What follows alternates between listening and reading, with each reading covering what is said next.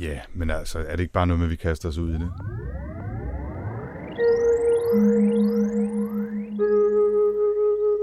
Velkommen til Sci-Fi Snak. Med science fiction. Og med snak. Med Jens Jarl Poder. Og Anders Høgh Nissen. Velkommen til. You're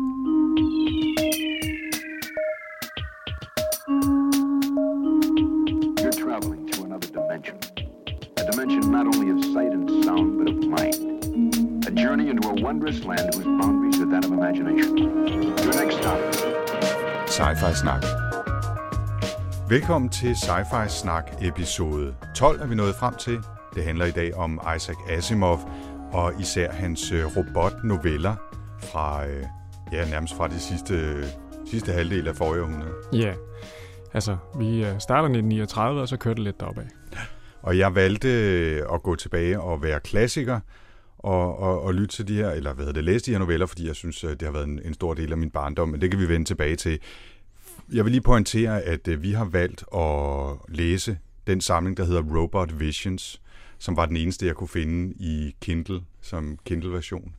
Og, øhm, og der er altså en hel del af de her noveller, der er en, tror jeg, 15 stykker eller sådan noget, fra øh, de, de aller, den allerførste i 1940, og så øh, op til en, som han skrev i 1990, mm. specifikt til den her samling. Og så skal jeg lige høre, Jens, øh, der er jo også en del essays om robotter og øh, det at skrive og sådan noget i den Det har jeg læst halvdelen af. Okay, du har læst lidt af dem. Jeg har ikke Ej, læst så det meget. af sådan lidt repetitivt, synes jeg. Ja, det, det var lidt meget det samme, ikke? Jo.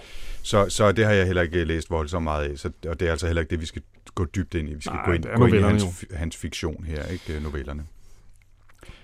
Hvad, hvad, du, tog du dem simpelthen i, øh, i rækkefølge, som de var i Robot Visions, eller læste du dem i kronologisk rækkefølge? Ja, altså jeg tog dem faktisk i den rækkefølge, som øh, de stod i Robot Visions. Jeg synes, det er lidt...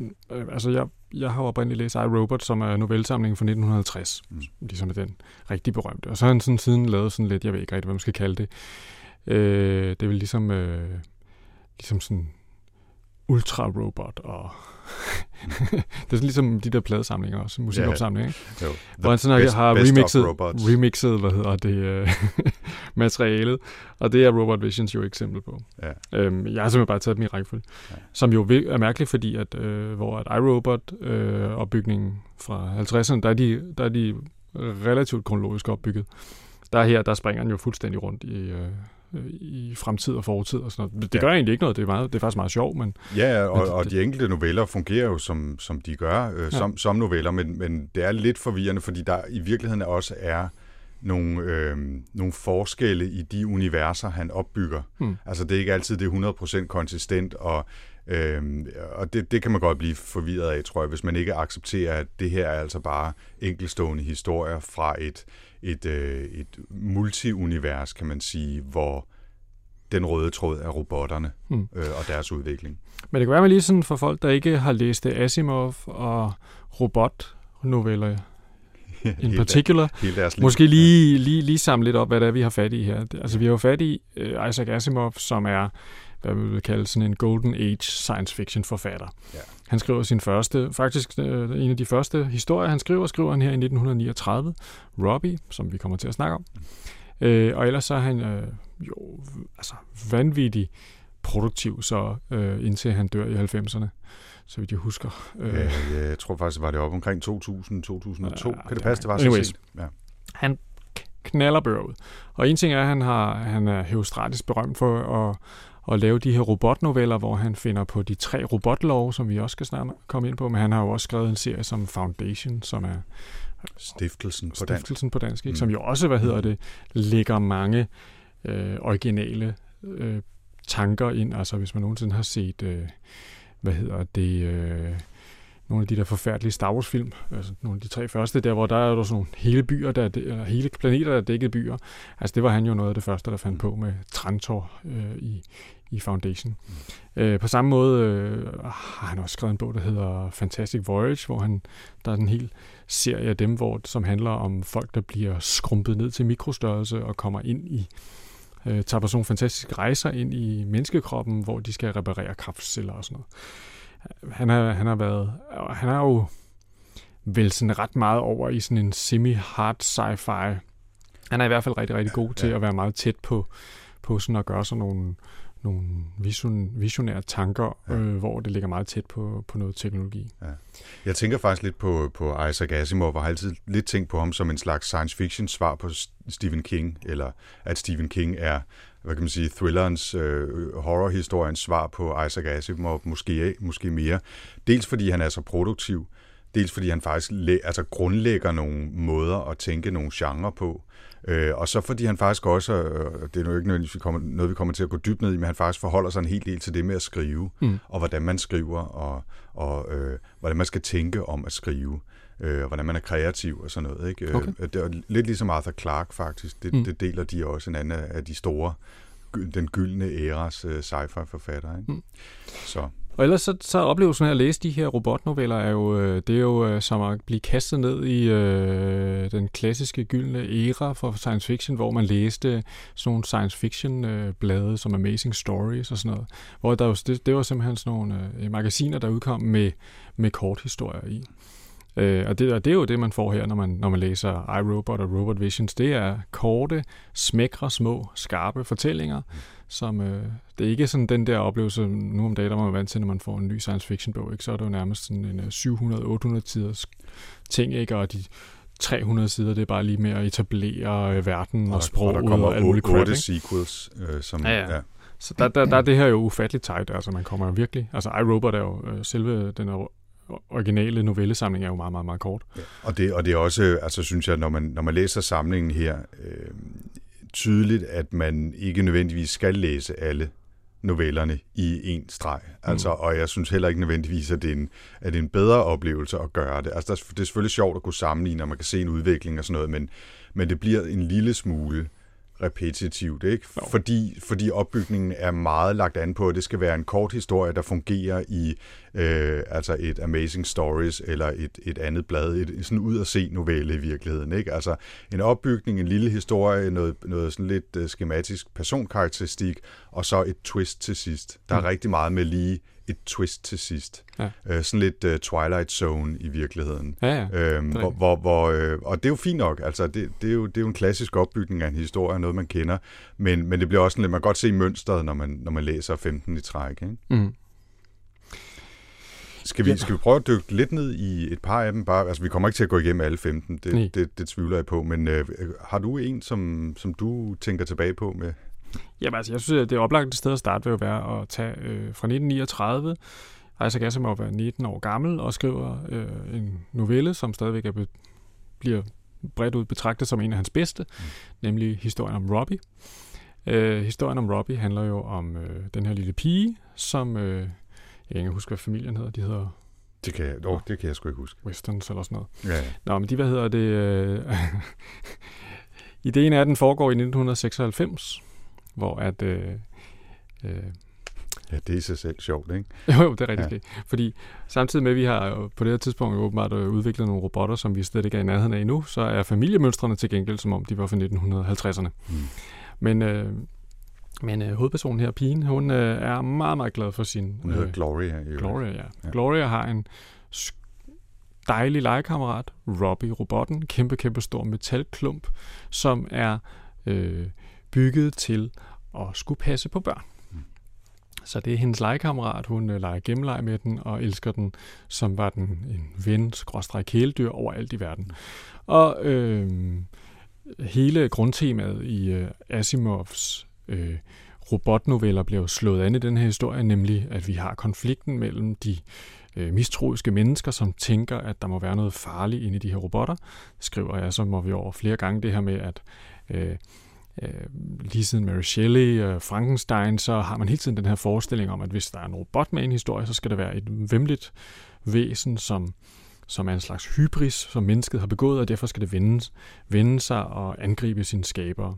Det er jo sådan det klassiske robot-tema, og det, i virkeligheden filmatisering af iRobot gør jo præcis det. Den tager jo fuldstændig, mm. hvad hedder det, uh, Isaac Asimovs, uh, hvad hedder det, uh, øh, grundtanke og tør røv i den og laver en helt anden historie af det. Nå, mm. det er noget helt andet. Ja, den kan vi tage senere. Ja. øh, men, men pointen er jo her, det som er, øh, det som er her, det er moren i familien. Hun, hvad hedder det, er skeptisk over for det her med, at Gloria leger så meget med en robot. Ligesom øh, vi som forældre kan være nu om dagen, sidder og kigger på vores børn med deres iPad og tænker, får de nok frisk luft og øh, nok menneskelig kontakt. Bortset fra, at moren så er nervøs for, at robotten skal slå Gloria ihjel på en, på en eller anden spektakulær blodig måde. Men, men lad det nu ligge. Ja, men der, der er nogle af de samme. Der er i hvert fald noget farligt ind i, mm. det kan Mhm. man sige. Og hun er jo også bekymret over, at naboerne taler om det og sådan Mm. Øh, og faren der, han er sådan en øh, piberygende nullermand, der sidder inde på kontoret og øh, altså fuldstændig styrer det hele. Altså det er ham, der ligesom tager beslutningerne i huserne. Altså, no, der er ikke foregået nogen kulturel udvikling, øh, siden øh, Asimov skrev den her.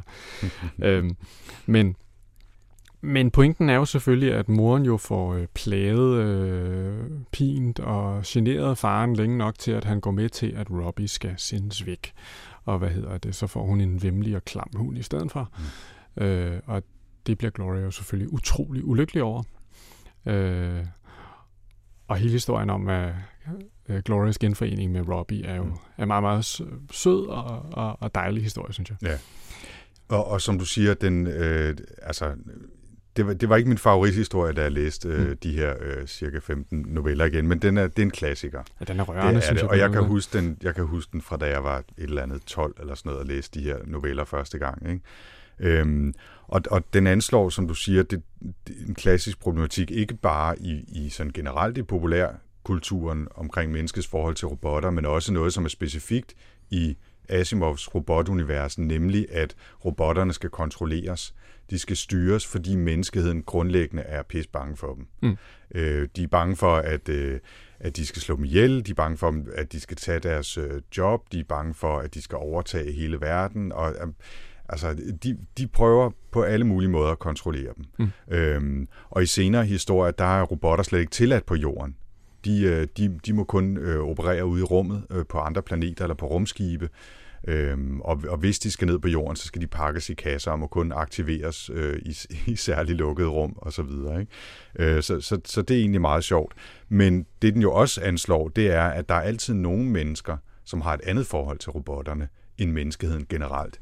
I det her tilfælde er det Gloria og, og hendes far i hvert fald i en vis udstrækning, som godt kan se, om jeg så må sige, det gode i, i robotten Robbie. Ikke? Mm. Øh, og, og det er jo også en utrolig, øh, utrolig venlig og sød robot, som, som, som gør i virkeligheden alt, hvad, hvad Gloria øh, øh, beder den om, eller beder ham om at lege flyver og ydmyge sig selv på, på 27 forskellige måder, men også godt kan lige give hende nok modspil til, at det ikke bare er øh, en, en dum maskine. Mm.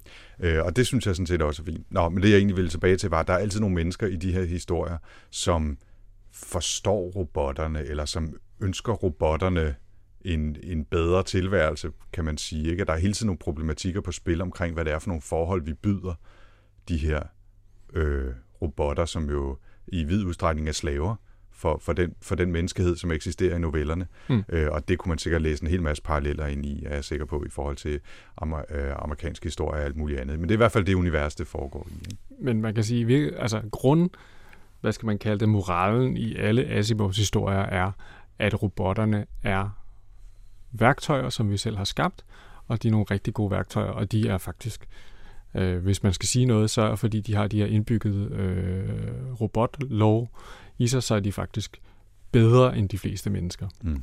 Og, og i sidste ende her i historien med Gloria, der øh, bliver hun jo genforenet med Robbie under et fingeret rundvisning på United States Robots and Mechanical Men fabrikken. Og øh, der genser hun så Robbie og løber hen imod ham. Og det må man jo ikke. Man må ikke bare løbe, øh, det ved jeg ikke, om du ved, Anders, men på fabrikker, der skal man passe på. Ja, okay. Øh, men øh, det tænker Gloria ikke på, så hun kommer til at løbe lige ud foran en truck. Og i det øjeblik, der er der ingen, der er klar til at reagere for lige uden Robbie, som jo så, fordi han er en robot, så tøver han ikke. Han reagerer, kommer løbende på sine kæmpe store metalfødder og griber hende og redder hende. Mm.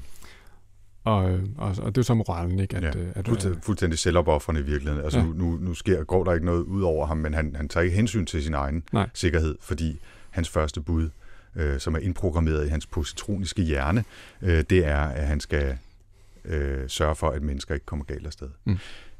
Og lad os lige tage, tage fat i den, øh, før vi hopper videre til, til flere noveller. Altså, The Three Laws of Robotics, de tre robotlove. Øhm, der er, det er der sikkert mange, der har hørt om. Og det er, det er også en af de ting, og det siger Asimov også selv i flere af de der essays, det er en af de ting, som har taget skridtet fra science fiction ud i virkeligheden. Ja. Øh, hvor, hvor folk har taget det til sig og har, har altså taget det meget, meget alvorligt som noget, man skulle forsøge at inkorporere i robotter, også ude i virkeligheden. Og i bund og grund, så øh, nu, jeg fandt en, en sådan nogenlunde øh, oversættelse på den danske Wikipedia, så den tillader jeg mig simpelthen at tage, i stedet for at forsøge at hakke mig igennem det på engelsk. Ikke? Så den første lov. En robot må ikke gøre et menneske fortræd, eller ved ikke at gøre noget, lade et menneske komme til skade. Mm. Det er jo det, den grundlæggende. Det, det er lov 1. Så er der lov 2. En robot skal adlyde ordre givet af mennesker, så længe disse ikke er i konflikt med den første lov. Så det er også til at forstå. Og så den tredje lov. En robot skal beskytte sin egen eksistens, så længe dette ikke er i konflikt med første eller anden lov. Og det er jo sådan en meget fin lille øh, logisk struktur, der er blevet opbygget. Ikke? Altså, pas på, dig, pas på dig selv, medmindre du får en ordre om at gøre noget andet. Mm. Og du skal adlyde ordren, medmindre det kommer til at gå ud over nogle mennesker. Mm. Hvis man skal tage den den anden vej fra klassisk, og, og altså, det, der bliver refereret til det alle hvide vegne. Ikke? Altså, ja, ja. Øh, både, både i, i fiktionsverdenen, i kulturen generelt, og, øh, og så altså også ude i virkeligheden blandt øh, robotforskere. Mm. Og så en anden ting, at øh, Asimov krediterer også sig selv med at være den første, der har brugt ordet robotics, ja. altså robotvidenskab, i hvert fald på skrift. Han siger selv, at han havde hørt en anden bruge ordet øh, inden han selv skrev det ned, men han er altså den første, der har den dokumenteret, eller han har den første dokumenterede brug af ordet robotics. Jamen, det, det er jo et ord, vi fuldstændig tager for givet nu om dagen, men altså, øh, på det her tidspunkt er det jo ikke sådan forfærdeligt gammelt. Jeg tror, der bliver refereret til et eller andet tjekkisk skuespil fra en gang i 20'erne, eller sådan, ja, hvor, at, ja, ja. Hvor, hvor det første gang bliver brugt. Mm. Så altså, et, et ord, vi tager fuldstændig for givet, altså er stadigvæk et lidt nyt og fancy uh, sci-fi ord på det her tidspunkt, tænker jeg. Ja, det er under, har under 100 år på banen ja. nu. Altså det der, jeg, når jeg tænker på robotter, så tænker jeg, det er noget, der har været en del af vores kultur i lang, lang tid. Ikke? Men det er jo så måske, fordi man går tilbage og tænker på, på sådan noget som øh, altså, øh, Frankensteins uhyre og, øh, og golems, golems og, og andre af den slags ting. Ikke? Altså sådan mm. kreaturer, havde han sagt, væsener af, af kød og blod eller ler i, i tilfældet med golem, ikke? Øh, som, som også er en slags mekaniske mennesker. Mm. Øh, men et par andre noveller måske? Ja, altså nu, nu savede jeg jo med Robbie. Det kan være, at du har lyst til at tage en frem. Ja, altså jeg, da, da jeg læste igennem dem her, så var, det, så var der nogle stykker, der, der trådte frem. Dels fordi jeg synes, de er, er lidt sjovere twists på historien, dels fordi jeg kan huske at have læst dem første gang, så der var en, et, et, et stort mål af genkendelsens glæde. Det var der øvrigt generelt ved at læse de her noveller. Men, men den, der hedder Lejer, som også ja, er en af de god. tidligste, den fra 1941, og det er også, jeg kan ikke huske, om det er den første, men det er i hvert fald en af de første, hvor robotpsykolog Dr. Susan ja. Calvin optræder. Og, øh, og hun, hun er en gennemgående skikkelse i rigtig mange af de her noveller, historier, øh, bøger og altså romaner om, om robotterne. Og hun er, altså, hun er virkelig sådan en, øh, en karikatur af en pebermø med en, en hjerne på størrelse med, med en klode, øh, og, og virkelig, virkelig en, en gråbrun eksistens, hvis eneste formål her i livet er at forstå robotter, så godt som overhovedet muligt. Jeg forestiller hende med sådan en, øh, en øh, stramt bundet knold i nakken, og, øh, og hun har også det her jo altså for øh, de stakkels øh, piberygende mænd, der arbejder omkring hende. Ikke? Hun er jo en force of nature mm-hmm. i forhold til at øh, få sin vilje og banke dem på plads og yeah. være fuldstændig... Altså hun er jo slet ikke evner slet ikke kompromisets øh, kunst. Og det er jo noget af det spændende med, med Dr. Susan Calvin, er jo, at hun er en af dem, som virkelig noget af det, der kan få hende til at gå amok, det er jo, hvis der bliver en fiflet med de her robotlove. Og det bliver der jo i nogle af historierne. Ikke? Ja. Altså, der er nogle, ah, vi har lige justeret lidt på tredje lov, ikke? så er det bare sådan, hvad I? Fordi at hun ved godt, at det er den direkte vej til, at ikke nok med, at robotterne, øh, hvad hedder det, øh, jo kommer til at opføre sig på uforudsete måder. Men det betyder jo også, at øh, mange af de her robotter, når de har fået justeret deres lov, så får de det skidt. Mm. Og det er noget af det, der går hende meget på. Ikke? Ja. Jeg vil ikke have, at den her robot kommer til at lide skade. Altså hun, hun har empati for de her væsener. Ja, helt sikkert. Og, og nu, nu sagde du det der med, at mændene omkring hende forstår, forstår hende ikke, altså direktøren på fabrikken øh, og, og, og de andre robotvidenskabsfolk eller ingeniører, ikke?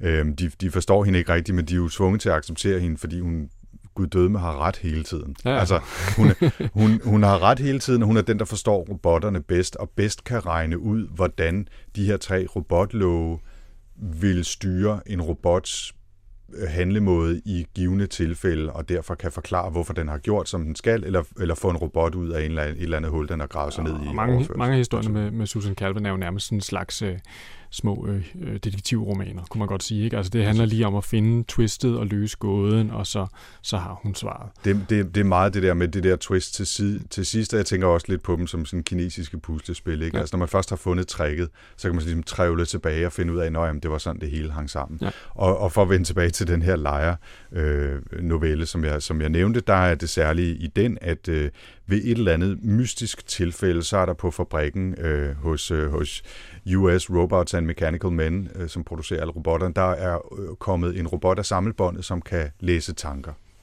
Øh, og, og, og så udforsker novellen som, hvad, hvad vil sådan en robot gøre, hvis den kan læse tanker, men samtidig skal overholde de tre robotlove, hvor man altså ikke må gøre mennesker fortræd.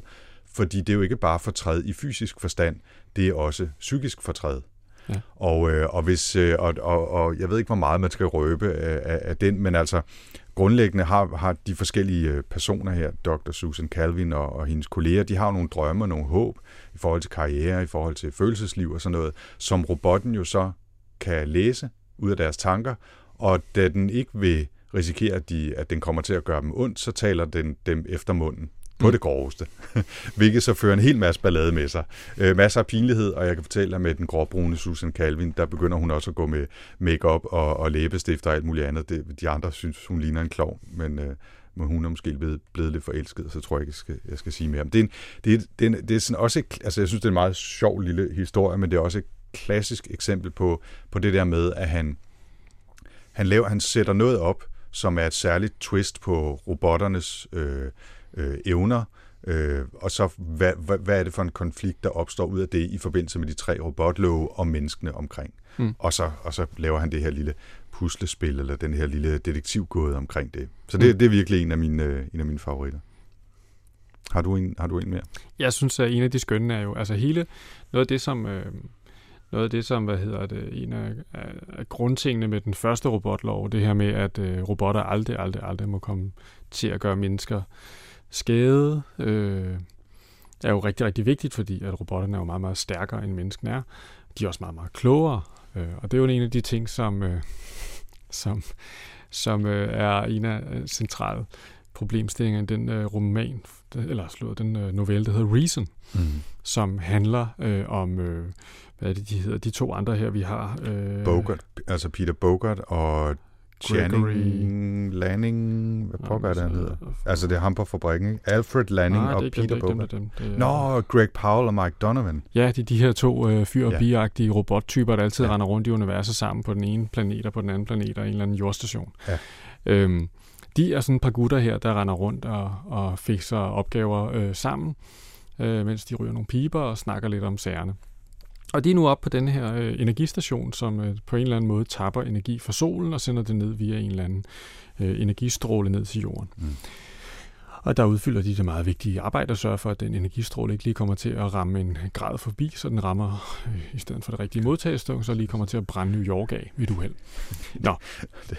jeg elsker det faktum, at man har, set, man har for det første lavet det system, hvor det er en risiko, og det, der så ligesom skal kontrollere det, det er to piberygende mænd på Merkur eller et eller andet. Ja, det er et tungt arbejde. Tungt arbejde. der er sådan et Blake, Blake and Mortimer møder fire bier over det på en eller anden måde. Ja, nå. nå, anyways, ja. øh, pointen er jo her, at hvad hedder det, øh, man har fået en ny robot, øh, som skal, skal kunne tage flere og flere øh, det er på et tidspunkt i robotudviklingen, hvor man udvikler mere og mere avancerede robotter. Og denne her robot er en resonerende robot. Mm. Det vil sige, at den kan selv regne sig frem til tingene, og ting, i stedet for bare at løse ganske enkle opgaver, så kan den så kan, den, øh, så kan den selv tænke over sagerne og finde ud af sammenhængene. Og det sker så hverken værre eller bedre, end at den øh, opfinder nærmest, øh, den resonerer sig frem til, at fordi at den er så meget stærkere og så meget klogere end mennesket, så må den jo ikke nødvendigvis være skabt af et højere væsen end øh, de her to robotdrenge. Fordi når, han, når robotten kigger på dem, så kan han jo tydeligt se, at de er jo inferiører i forhold til ham. Eller hende. Mm. Og det synes jeg er ret sjovt. Ja. øh, og, øh, og det øh, lykkes ja, jo de, så. De, de prøver at overbevise den om, at det er dem, der har skabt dem. Ja, det, det Øh, kan at, de. at, at, den har konstru- at de har konstrueret den. Jamen, konstrueret hvad? Jamen, vi fik der tilsendt i en kasse. Jamen, hvor fik I den kasse fra? Jamen, den fik vi ned fra jorden. Altså, er det nogle andre ligesom jer, der har skabt det? det kunne, og det kan han overhovedet ikke tro på. Så han, altså, det er helt klart de der to, Gray Powell og, øh, og nu har jeg glemt, hvad den anden hedder, Donovan. Øh, Donovan. Øh, de, de, er, de er delusional, og, og de lider af vrangforestillinger, og, og de har ikke forstået, hvordan verden hænger sammen, men det har altså øh, den her robot. Og det, den har fundet ud af, det er jo selvfølgelig, at det er en eller anden mærkelig stor øh, kraftkondensator. Det er i virkeligheden den, der er det et højere væsen, som har skabt alting. Mm. Øh, og derfor begynder den at tilbede den her, øh, som om det var en gud, og øh, får også alle de andre robotter med til at tilbede det her. Mm. Og, øh, og hvad hedder det, Paul og Donovan sidder jo her, og så kommer der pludselig en solstorm, og så Paul og Donovan, på, de har fået øh, kvartersarrest øh, inde på deres værelser, fordi at man kan simpelthen ikke have dem rende frit omkring, fordi de er for farlige for den her øh, transformator, eller hvad fanden det er. Mm. Og de sidder jo simpelthen derinde og tænker, åh oh, nej, åh oh, nej, nu går det helt galt. Vi er da ikke ude til at justere på, øh, på instrumenterne, mens den her solstorm er i gang. Og, øh, og da de kommer ud, så er det så, øh, har robotten jo så her, hvad hedder det, øh, den har fået det hele til at fungere, mm. øh, fordi den jo øh, ligesom har fået bygget hele sin egen system op omkring, at øh, Ja, de her, de her øh, tal og sådan noget, de skal være i ekvilibrium for, at, øh, at transformatorstationen er glad og sådan noget. Så det er i virkeligheden ikke, for, fordi de udfører, øh, at robotten udfører menneskenes ordre, øh, og af de grunde, som de siger, nemlig at man vil risikere at svitse New York af, hvis, øh, hvis energistrålen kommer en mikrometer ud af, ud af, af retning. Ikke? Men fordi der skal opretholdes en balance i det her univers, den selv har resoneret sig frem til, Ja. den anden eksistens øh, i. Det, Ja. Jeg synes også, det er, det er, en, det er et rigtig godt lille twist. Ikke? Og hele, hele pointen er jo så, at øh, man finder ud af, at det, det er jo faktisk en meget god måde at få skabt noget effektivt teamwork mellem robotter. Så i fremtiden, så vil man så tage robotter forbi den her station, og så vil de blive lært op i denne her måde at tænke på som robot, og så vil de blive sendt ud til andre stationer. Mm. Øh, så, det, så det her, der, der starter med at være et problem, det ender i virkeligheden med at have en utility og være nyttig. Ja. Ja. Ja, altså, vi, vi, nej, vi skal ikke gennemgå dem alle sammen. Jeg vil bare lige nævne en til, som, som, som jeg synes er rigtig fin. Det er den, der hedder Bicentennial Man, Mm. øh, som er en, en af de senere, altså alle, alle de tre, vi nævnte her, det er nogle af de tidligste fra, fra ja, virkeligheden fra tiden under 2. verdenskrig. Mm. Mm. Øhm, Bicentennial Man er senere, den er fra 76, så vidt jeg lige kan se, ifølge den her oversigt. Og øh, den er jo øvrigt senere blevet filmatiseret med Robbie Williams i hovedrollen. Den film har jeg ikke set, den skulle være helt katastrofal. Øhm, Nå og, øh, men men den grund, det grundlæggende plot her er, at vi har med en robot at gøre, som, øh, som starter sin, sit liv, havde han sagt, som, som ganske almindelig øh, tjenest, tjenestemandsrobot, øh, lidt slaveagtig hos en familie, som, øh, som kommer til at holde rigtig meget af ham, men han, han overlever alle, og gradvist så får han argumenteret for, at han skal, lov til, at han, han skal have sin frihed, altså han skal være fri. Øh, og den frihed bruger han så til at gøre sig selv klogere på en hel masse ting, inklusive at opgradere sig selv. Og han overtaler øh, øh, fabrikken, som, som ellers ikke er meget for den. De udlejer kun de her robotter. De sælger dem ikke, for de vil have dem tilbage og demontere dem og bygge nogle nye osv. Men han overtaler dem til at hjælpe sig og, og bliver opgraderet på alle mulige måder og kommer mere og mere til at ligne øh, og fungere som et menneske. Altså han opfinder simpelthen en, hvad kan man sige, en slags mekanisk indre til sig selv, som kan forbrænde øh, olivenolie og, og lave udsondringer nærmest som om det var et menneskeligt øh, fordøjelsessystem. Og, øh, men, men alle de tanker, der ligger omkring, hvordan en robot kan være fri, og hvad der skal til, før et menneske er et menneske, eller øh, før en robot er en menneske ekvivalent og skal have de samme rettigheder og skal behandles på samme måde, synes jeg faktisk er, er, er noget af det sjove. Mm. Altså at, at pege tilbage på nogle af de mere generelle øh, diskussioner eller øh, temaer, som, som, som ligger i alle de her noveller. Ikke? Mm. Øh, og jeg er faktisk ikke helt sikker, men jeg har på fornemmelsen, at udover at det var en filmatisering sådan noget fra midt i 90'erne, øh, så har det faktisk også været lavet som en, en fuld roman. Altså historien om den her Bicentennial Man, den her robot, der, der mere og mere nærmer sig et menneske. Og, og sjovt nok øh, er, det, jo, det er jo et tema, som man finder mange steder, med inklusiv filmen AI, jo i øvrigt øh, Spielbergs. Øh, science fiction ting der, ja. Så den, den kunne jeg godt lide. Den, Ja. der, øh, Man kan sige, det der sker, det, det er jo, at øh, nogle af romanerne peger meget langt ud i fremtiden. Nu kan man sige her, der, der øh, snakker vi jo nærmest om, en, at øh, sammenhængen mellem, hvad der er menneskeligt og hvad der er robot, begynder at falde sammen. Ikke? Mm. Øhm, Og man kan sige, at nogle af romanerne peger ud i en, i en fremtid, hvor at, at øh, nogle af novellerne peger ud i en fremtid, hvor at robotterne fuldstændig styrer alting. Ikke? At du har nogle kæmpe, kæmpe store robothjerner, som, som styrer alting i hele, øh, hele jordens økonomi. Mm. Øh, og så det vil sige, at det hele bliver balanceret, og alting løse, løses sådan, at mennesker lever i bedst mulige vilkår og sådan noget. Øh, og det, der er sjovt, det er, at hvad hedder det, en af de temaer, som jeg sådan lidt synes var skæg at, at læse i den her, var, at den traditionelle Frankenstein tanke om, at robotterne vil slå os ihjel, eller øh, den, den, den, øh, den falder han aldrig rigtig for. Men man kan sige, at han, han skaber ligesom, han grundlægger en anden problematik, nemlig det her med, der hedder, jamen når nu robotterne kan alting, hvad er så menneskets raison d'etre? Altså, hvad skal, hvad skal vi så lave? Mm. og det er jo virkelig det, som, som der er flere af historierne, der til sidst begynder sådan at spille lidt omkring, ikke? Der er også den historie om, øh, der hedder Galley Slave, som er en historie om øh, en universitetsrobot, der kan øh, læse korrektur mm. på, hvad hedder det, øh, på det at skabe en bog.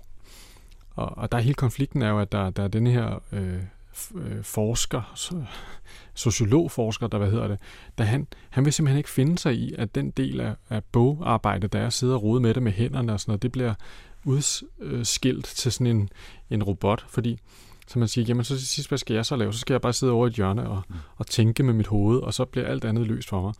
Og det synes han er en halv oplevelse. Og det kan man jo sige, det, det, er, jo, det er jo sådan en meget tidlig problematik omkring, altså, øh, det er jo sådan en meget tidlig øh, problematik, men hvor at man kan sige, at mennesket begynder i virkeligheden at miste noget, fordi at vi kan øh, sætte robotter til at gøre alting. Og i sidste, øh, de sidste romaner, der er den, der hedder The Evitable, ja, romaner, noveller, mm. The Evitable Conflict, øh, som, som, som handler om det her med, at robotter styrer alting på hele jorden. Verdensøkonomien og det hele. Produktionen af, af bomuld og alle mulige forskellige mm. ting. Mm. Og, og der skal mennesker jo ikke andet end bare sidde og ligesom være med. Mm.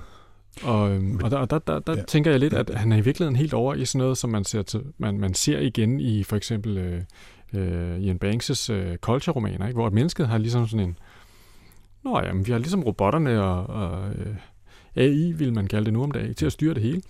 Og så, hvad hedder det, så mennesket, de vi lever sådan nogle lidt underlige øh, tilværelser, ja. hvor vi render lidt rundt og øh, er sådan lidt overflødige, ikke? Ja. Altså, det, det, men det, det er sjovt, ikke? Fordi øh, de, de tidlige noveller, de handler meget, rigtig meget om det der med, at robotterne, altså som, hvad kan man sige, som fysisk tilstedeværelse er noget, som menneskene er bange for, fordi de er så meget stærkere og hurtigere, og de er også på nogle måder klogere, men altså, øh, de, de er en slags trussel i hverdagen, som skal håndteres blandt andet med de her tre robotlove.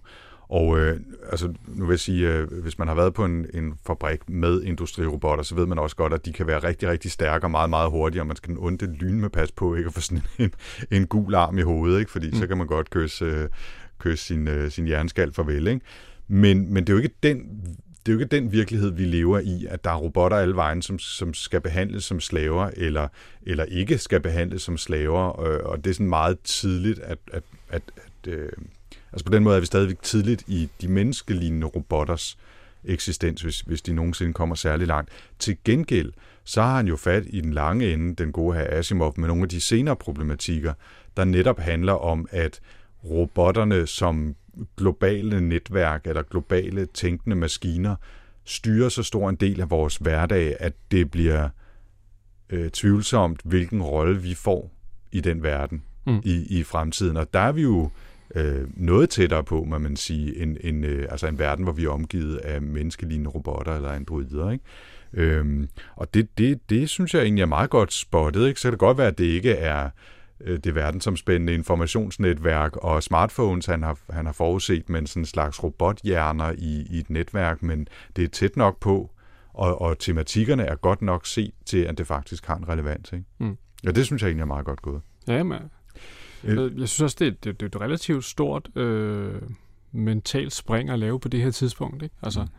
vi snakker vi snakker meget tidligt. Altså, mm. Robot Visions, som er den første novelle i denne her Robot Visions, er jo, øh, den handler jo om en, en nærmest en robot, som er blevet sendt tilbage i tiden for fremtiden, sådan fuldstændig Terminator-style, for ligesom at være med under et forsøg, mm. hvor der bliver sendt en robot frem til fremtiden. Og det, der ikke skal afsløres, det er, at ude i fremtiden, der er alle robotter.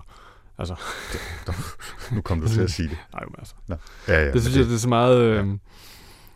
Altså, d- hele den der idé om, at det er jo også en, en moderne idé, en Mm. moderne tanke, det der med, at på et eller andet tidspunkt, så vil vi, så vil vores, så vil vi leve videre, vores, øh, vores evolution vil tage, tage et spring over i, i robot, Mm. øh, kroppe og Ja. sådan nogle ting. Det er jo meget syret. Øhm, lige kort omkring øh, teknologien. Vi har ikke... Øh, vi har ikke snakket så meget om, om selve teknologien, og, og det er jo heller ikke, altså han gør jo ikke sindssygt meget ud af at beskrive dem i detaljer, øh, sådan fysisk. Det er sådan lidt, øh, de er lidt vagt humanoide, og nogle af dem har brede overkroppe, og nogle af dem har små øh, kugleformede hoveder, og, og så videre. Ikke? Men det som, det, som det hele spinder omkring, det er, at han har, opfundet, han har lavet virkelig geniale trick. Ikke? Han har opfundet, opfundet noget, han kalder en positronisk hjerne. Mm. Og han beskriver aldrig rigtigt, hvordan det fungerer, eller gør sig klog på det. Er noget, det er noget med nogle pathways og et eller andet, der minder om den menneskelige hjerne og neuroner og nogle ting. Og, og det kan det selvfølgelig designes, og det er nærmest uendelig komplekst at, at holde styr i, og man må bare forlade sig på, at de der tre øh, robotlåge robotlove er imprægneret så dybt i, i hvad kan, man kan nærmest kalde det, krybdyrversionen af den her positroniske robothjerne, at, at, de, øh, at de ligger til grund for alle de avancerede funktioner, der kommer ovenpå. Men, men det er bare genialt, ikke? Altså, det er en positronic brain, og han bruger den hele vejen op igennem, og han kan sådan set bare påstå, øh, at den virker, som den gør, og at den bliver mere og mere avanceret, og så accepterer man det ligesom. Mm. Øhm, og så længe det, det handler om de der robotter, og, og, og hvordan de fungerer i hverdagen, så er det fint. Altså, så tænker man, hey, nå, jamen, det, det køber jeg da. Det, det, jeg, jeg, det er nærmest noget, man tænker, jamen, har, har, vi har ikke opfundet de der positroniske hjerner, det har vi ikke, vel? Fordi det, det virker som en nat- naturlig del af, af universet. Og så kan man så sige, at ligesom stort set alle andre science fiction forfattere fra før øh, 1995 eller sådan noget, ikke, så har han fuldstændig øh, skudt forbi, når det gælder øh, smartphones og internettet og alt muligt andet. De printer ting ud på papir og læser, og de faxer ting rundt til hinanden, mens, øh, mens, verden, mens de rejser rundt i, i, i universet og, og har verdensomspændende robothjerner og alt muligt andet. Ikke? Jamen, altså, Øh, den og der, det- den der det- det jeg, altså. det der galleslave, jeg snakker om, ikke, hvor at, at uh, galle betyder i virkeligheden, det, det på engelsk betyder det sådan en slags udprint, man får fra bogtrykkeren, når man skal gem, læse korrektur på sine bøger. Og det man så har, har gavn af her, det er, at man så har udviklet en kæmpe, kæmpe stor, helt vildt avanceret robot, der kan gøre det perfekt, læse en hel bog igennem på 19 minutter, men man sidder altså stadig med sådan nogle stykker papir og gør det. så ja. Men, Men- så, ja, nå, men det var med teknologien, ikke? Altså, det er jo, han går ikke voldsomt meget ned i det, men han har lavet det der smarte greb, ikke? Mm. Og så er der altså så de senere af, af novellerne, også nogle af romanerne, hvor, hvor vi er godt i gang med at, og, og, hvad hedder sådan noget, øh, udforske og bebo, hvad hedder det?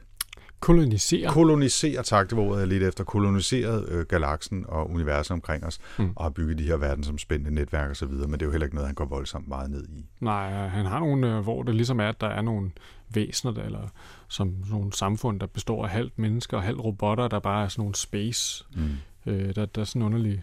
Spacers, ikke? Folk, Ja, der, sådan, spacers, der folk, bare der bor ude. bor ude i, i universet, ja. eller ude i galaksen, og ligesom solsystemet, og ligesom har taget, taget det, det liv på sig. Ikke? Men Ja. øh, ja, Jeg synes, der var ret sjov ting der, det havde jeg ikke lagt mærke til før, men altså hele den der måde at lave øh, robotnavne på, det der CT et eller andet, altså hele Mm. det der, vi ellers, jeg ellers har forbinder med Star Wars, ikke? R2-D2, der hedder øh, R2, og øh, C-3PO, der hedder øh, 3PO, ikke? Altså, C3PO, ja. Det der, det der, hvad hedder det, øh, måde at bygge robotnavn op på, det bruger han i virkeligheden i de her romaner. Jo. Ja. Det, det tyder på, at det er ham, der har fundet på det, fordi Ja. Altså øh, LN-34 bliver til Lenny, og SPD bliver til Speedy. Ja, og, og- og så er det sjovt nok også, at uh, SPD-modellen kan løbe meget, meget hurtigt, og Ja. så kommer de til at kalde den Speedy og sådan noget. ja, og så er der jo scener, hvor, hvor robotterne øh, kommer til at ligne mennesker, øh, som man nærmest ikke kan, kan se forskel. Der hedder alle robotterne jo R, ja, og så, så et navn. Ja. Øh, er Daniel Olivor, eller noget af den stil, Olivav. Jeg ved ikke, hvordan man siger det på, øh, på engelsk. Han er, han er en fast karakter i nogle af de scener. Han er altså en menneskelig, menneskelignende robot, men har det der R forrest i sit Ja. navn, så man, øh, så man ved, at han er en robot. Mm. Øhm, vi, nu har vi allerede talt i pænt over en halv time, ikke? Ja. Øhm, så jeg tænker, vi måske skulle prøve at, at jeg ved jeg ikke, lægge nogle ekstra vurderinger ned over, eller er der nogle tematikker, som, som du tænker, vi mangler? Jeg kunne godt tænke mig at snakke en lille smule om filmatiseringer, øh, blandt andet, og så er der vores sådan, personlige forhold til de her ting, som, som jeg synes, vi skulle ind over. Ja, altså jeg, jeg tror, jeg har været omkring de sådan ligesom tematikker, jeg havde. Det der, jeg synes, det der med, at den ligesom forudser den der culture-ting, som vi har i, i Ian Banks' øh, roman, det synes, det synes jeg var ret fedt på en eller anden måde. Fordi jeg havde, dengang jeg læste dem sidst, der var det meget langt fra hinanden, så jeg lavede ikke den connection. Det synes jeg var, det synes jeg var ret fint til. Ja. Han allerede har fat i det meget, meget tidligt. Ja. Jamen, nu, så, så vil jeg lige tage det der med, med filmatiseringen. Altså nu har jeg som nævnt ikke set den der øh, Robbie Williams filmatisering af Bicentennial Man. Mm. Øhm, og den skulle også øh, ifølge Wikipedia Rotten Tomatoes virkelig være, virkelig være en ringefilm. Øhm, så jeg tror, det var Roger Ebert, der havde skrevet en anmeldelse at øh, den før, de første tre, tre fjerdedel af filmen, der går Robbie Williams rundt i robotkostyme, og da han kommer ud af det, så bliver øh, al hans replikker robotagtige. Øh, det, og jeg tror ikke, det var sagt som, at det var planlagt. Men, øh, men så ellers er den store øh, ting, det er jo iRobot med øh, Will Smith i hovedrollen fra 2004, øh, som, øh, som ligesom den største filmatisering af en Asimov-robot-ting i hvert fald. Ja, og, den er jo også loosely based on. Det er ligesom World War C og, og filmen World War C. Ja, altså, øh, jo, det er, den er loosely based on. Altså, den, den hiver ting ind fra flere forskellige noveller og romaner, men, men bruger dog de tre robotlove og, og bruger nogle elementer fra, øh, især fra en af de noveller, som jeg ikke kan huske. Den hedder The Little Lost Robot, hvor der er en robot, der gemmer sig blandt en masse andre, og så skal ja. de ligesom regne ud, hvordan de finder den ene robot, når alle ligner hinanden. Og der er nogle, der er nogle helt centrale scener i iRobot-filmatiseringen, som, som skal løse det samme problem, blandt andet. Øh, og Susan Calvin, øh, så vidt jeg husker, øh, så er den kvindelige hovedrolle, som bliver spillet af en af de der Moynihan-søstre, jeg kan ikke huske, hvad hun hedder, øh, til fornavn, det, hun, hun hedder også Susan ja, Calvin i filmen, men hun er altså alt, alt, alt andet end en gråbrun øh, pebermø, vil jeg sige, i filmen. Ja. Ikke? Og, så er der, og så er det jo en actionfilm, og der er masser af knald og ballade, Will Smith er, som han er. Jeg synes ikke, den er, det er ikke den dårligste actionfilm, jeg har set. Øhm, det er heller ikke den bedste, men, men jeg synes måske, øh, der, er, der er nok i den, sådan i forhold til det der med robotter, vores forhold til robotter, til at jeg synes, den er interessant, så bliver den noget mere øh, reduktionistisk, kan man sige, til sidst, og, og forgår lidt nogle af de der lidt mere filosofiske pointer, som ligger i Asimovs ting øh, i, i actionballade, ikke? Men, men jeg synes ikke, at det er, det er ikke nogen totalt ringe film. Det synes jeg ikke i hvert fald. Jeg har ikke set den. Du har ikke set den? Nej. Nå, jamen øh, så, så langt, så godt. men altså, øh, det synes jeg egentlig godt, man kan. Mm. Altså, øh, nu den sikkert, nu, jeg har, har ikke set den siden 2004, og effekterne er sikkert øh, har efterhånden 10 år på banen, ikke? så det kan godt være, at de ikke er helt så smart, som de var dengang, men, øh, men øh, det kunne være, man skulle gense den. Men det er jo fordi, altså, jeg, jeg tror i virkeligheden, jeg, altså hele det der med, at øh, der er en film, hvor der er en robot, der begår et mor, som skulle hævde at være bygget op omkring iRobot, mm. øh, og, og lægger sig så tæt op. Altså jeg tror bare, jeg har været sådan hele tiden været lidt, hallo, det kan ikke lade sig gøre, robotlovene. Men, kan I huske robotlovene? Har, wow, wow. Men har den begået et mor? Jeg ved det ikke. Ja. Mm. Det er jo ikke sikkert, den har det. Anyways. Mm-hmm.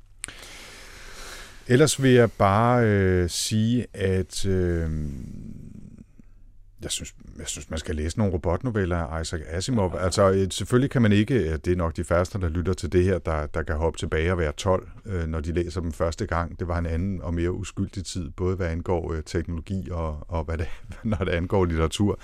Det, det, har, det har været en, det er en fuldstændig integreret del af min, min tidlige teenageår at læse science fiction, og især den her type science fiction. Mm. Og, og ja, tage springet så fra de her robotnoveller så op til Stiftelsen-serien, som var lidt mere avanceret, sådan ligesom et større, mere komplekst univers med hvad var det, vi blev enige om, det hed psykohistorie, ikke? Altså, hvor man ja, ja. ligesom kan udregne hele civilisationers øh, udvikling på basis af nogle meget, meget komplicerede algoritmer og sådan noget, ikke? synes jeg var utrolig fascinerende. Ja. Øhm, og, og så, nå, så jeg, jeg har et virkelig nostalgisk forhold til det her. Det har været sjovt at genlæse dem, fordi jeg synes, der er mange af dem, der holder som noveller. Måske bliver det også lidt skematiske sådan i deres opbygning, men jeg synes, øh, grundideen i dem er, er fascinerende, og jeg synes, han, han udvikler det godt. Jeg synes simpelthen, han er en, han er en dygtig forfatter i virkeligheden også. Jamen det var meget sjovt, fordi jeg, øh, jeg har jo læst gro, groteske mængder af Asimov, også da jeg var yngre. Uh, han har jo altså udgivet uh, altså ufattelige mængder. Mm. Øhm, og nyt rigtig meget af det. Men jeg tror, jeg gik og havde lidt en forestilling om, at ah, han skrev sgu nok ikke så godt og sådan noget. Men jeg synes egentlig, han skriver fornuftigt. Altså, det er ikke, jeg synes ikke, at han er en dårlig forfatter, jeg synes, og jeg synes, han er altså, utrolig skarp til at finde på. Hold da op, han er, ja. han er god til at, at lægge nogle ting ud, som, hvor han i løbet af ganske kort tid, der får han skabt en meget, meget rig øh, fantasifuld øh, samling noveller, som, øh, som, som, som sætter en, altså det sætter et flag mm-hmm. i noget science fiction jord, der slet ikke var Europa han er på meget, Han er meget hitte på som, ikke? Altså han er, han er meget produktiv, og han, han er god til at finde på nye vinkler på, på det, der grundlæggende er den samme problematik i rigtig mange af novellerne. Mm. Han, og han skriver kapabelt, vil jeg sige. Altså, det er ikke floromvundet, og det er ikke noget, som, som i hvert fald jeg, sådan, som jeg har det med Sti, uh, Neil Stevenson for eksempel, eller William Gibson, har lyst til at sidde og læse nogle af sætningerne højt, fordi de er simpelthen er så små, smukke juveler af poesi. Ikke? Og sådan har jeg det overhovedet ikke med Asimov. Mm. Men til gengæld er det super nemt at læse, og man kan koncentrere sig om historien, og det er, altså, det er funktionelt uden, uden at være grimt overhovedet. Det er slet ikke det. Mm. Det er bare det er meget sådan lige på. Ikke? Ja. Øh, men det, det, det har sikkert også været en del af vilkårene, hvis man skulle banke en ny historie ud til, til et blad hver, hver uge, eller noget af den stil i nogle år. Ikke? Så, så bliver man sikkert det, lidt, lidt mindre øh, polerende i sit sprog. Nå, men så synes jeg i sig selv, altså det der med, at det, det her kort format, jeg fik da mega lyst til at læse nogle flere robotnoveller, nej, ikke bare ikke robotnoveller, at læse nogle flere science fiction noveller. Mm. Øhm, og øh, jeg tænkte faktisk lidt på, om man lige skulle poste den på Goodreads-gruppen. Altså jeg fandt øh, på Reddit, fandt jeg sådan en top 20 over de bedste øh, science fiction noveller øh, igennem tiden. Mm. Øhm, og, øh, og det, ja, det, det synes jeg er en rigtig god idé. Så vil jeg jo sige, at jeg ved du kender, kender du begrebet Humble Bundle? Nej. Det er sådan en, øh, det, er, det er et meget smart site, hvor man, øh, hvor man melder sig til, og så det de gør, det er, at de samler nogle forskellige ting. Det er software af forskellige slags. Det kan være tegneserier, eller roman, øh, hvad hedder det, romaner, eller noveller, eller, eller film, eller spil. Og så, så er dealen, at man i en eller anden grad selv vælger, hvad man betaler, så får man sådan en pakke. Og hvis man betaler over en vis grænse, eller flertallet af mennesker betaler over en vis grænse, så får man lidt ekstra bonusstof. Og de har altså meget, meget tit uh, science fiction både romaner og noveller, som man så kan downloade 8 af, af, af, af nye og, og kendte forfattere i, i, i en blanding for altså en bøjet femøre. Mm-hmm. Øh, og det, det, kunne altså, det tror jeg altså også er en meget god måde at få fundet nogle nye sjove forfatter på, og meget tit er det altså de der lidt kortere historier. Mm. Øhm, fordi som du siger, det er, det, det er meget ofte blevet sådan, at de, de store, vigtige science fiction ting, de fylder altså fra 600 sider op efter, og er meget, meget ofte en del af en lang, lang, lang serie, som jeg i hvert fald ikke har hverken tid eller lyst til at kaste mig ud i. Ikke? Mm. Så kunne det være sjovt at læse nogen, der var 30 sider, og så til gengæld skåret lige til benet. Ikke? Nå, men altså, og der er jo rigtig, rigtig mange... Uh, Neuromancer er jo en novelle, altså. Stort Do Androids Dream About uh, Electric Sheep? Mm. Novelle. Mm. Neuromancer var det, jeg sagde. Men Johnny Mnemonic er en mm. novelle, ikke? Mm. Mm. Neuromancer er en roman. Ja, med på. ikke en af de længste af slagsen til gengæld. Nej, nej, nej. Men Johnny Mnemonic er jo normalt, mm. ikke? Altså. Præcis. Nå, men i øvrigt på den der top 20-liste, der var der to af dem af Asimov. Ja, så det, var... Jamen, det vil jeg også sige, at det, det ville være mærkeligt, hvis han ikke eksisterede i hvert fald mindst én gang på den, på ja, den liste. Ikke? Jeg, jeg ved ikke øh, om... Jeg tror, jeg tror ikke, jeg har særlig mange kommentarer til, hvilken rolle han har spillet i forhold til, til senere forfattere. Det, det er faktisk ikke noget, jeg har tænkt særlig meget over. Jeg, jeg har svært ved at forestille mig, at man som science fiction forfatter født efter 1940 ikke i en eller anden grad skylder Isaac Asimov noget. Det kan godt være, at man ikke skriver om robotter, det kan godt være, at man ikke skriver i det samme univers, det kan godt være, at man skriver på en helt anden måde. Det kan også være, at man forsøger at skrive der noget, der er decideret modsat af, af hvad Asimov skrev, men, men han er bare sådan en, som er en gigant. Mm. Ligesom Arthur C. Clarke, ikke? Altså, det er bare svært at komme udenom. Altså space opera-genren, sådan den store galaksespændende civilisationshistoriske science fiction, den, den, den, den øh, låner jo altså også noget fra, fra de her Foundation-historier. Ja. Han har været med til at lægge nogle, ja. nogle Og så står han jo selvfølgelig selv på, på skuldrene af nogen tidligere. Han, han er jo selv øh, fin nok til at give kredit til en tidligere novelle, øh, som gav ham inspiration til at skrive Robbie, og, og der er jo også hele Jens Lyn-balladen mm. og, og alt sådan noget, ikke? altså Amazing Stories og øh, hele superhelteuniverset er jo også relevant i den her sammenhæng, som opstod sådan i, i årene derop til 2. verdenskrig og så videre. Ikke? Så, Øhm, så han, han, han, han kommer jo ikke ud af ingenting, men han har godt nok spillet en stor rolle ja. i de, øh, i de der, hvad er det, vi er oppe på nu, øh, 75 år siden, der er gået stort set, at han skrev sin første Mm. Novelle. Det, det, alligevel, det er jo en menneskealder, faktisk. Yes. Nå, så det var dejligt at få læst en klassiker. Hvad synes vi om det? Altså, jeg gav den fire stjerner. Robert Visions her. Robot Visions. Ja. Ja. Øhm, som, som samling, og fordi nogle af novellerne trods alt er lidt skematiske, og måske føles en lille smule gammeldags. Ikke? Men, men jeg, jeg var fristet til at give den fem. Ja. Men så havde, så havde det også været den sidste tre kvart stjerne for nostalgiværdien. Og det er, jo, det, er jo en, det er jo min værdi, kan man sige. Ikke? Så øh, fire stjerner er nok den lidt mere realistiske vurdering i forhold til, til nye læsere. Ja. Jeg gjorde det, at jeg gav Robert Vision til fire stjerner også. Mm. Øh, men altså, jeg, har, jeg var lige inde på Goodreads og se, jeg har jo øh, rated iRobot for længe siden. Mm. Altså, som er en meget, meget kortere samling, og det er sådan, jeg synes individuelt, der er det lidt skarpere historie. Ja. og den har jeg altså fastholdt på en femmer, for jeg synes simpelthen, at altså, man må skulle give kado for det her stykke arbejde. Jeg synes, det er meget, meget visionært og, og, og, og godt skruet sammen. Ja, det må man sige. Øh, og jeg synes også, det var sgu en fornøjelse at læse det igen. Altså, det gik sådan her.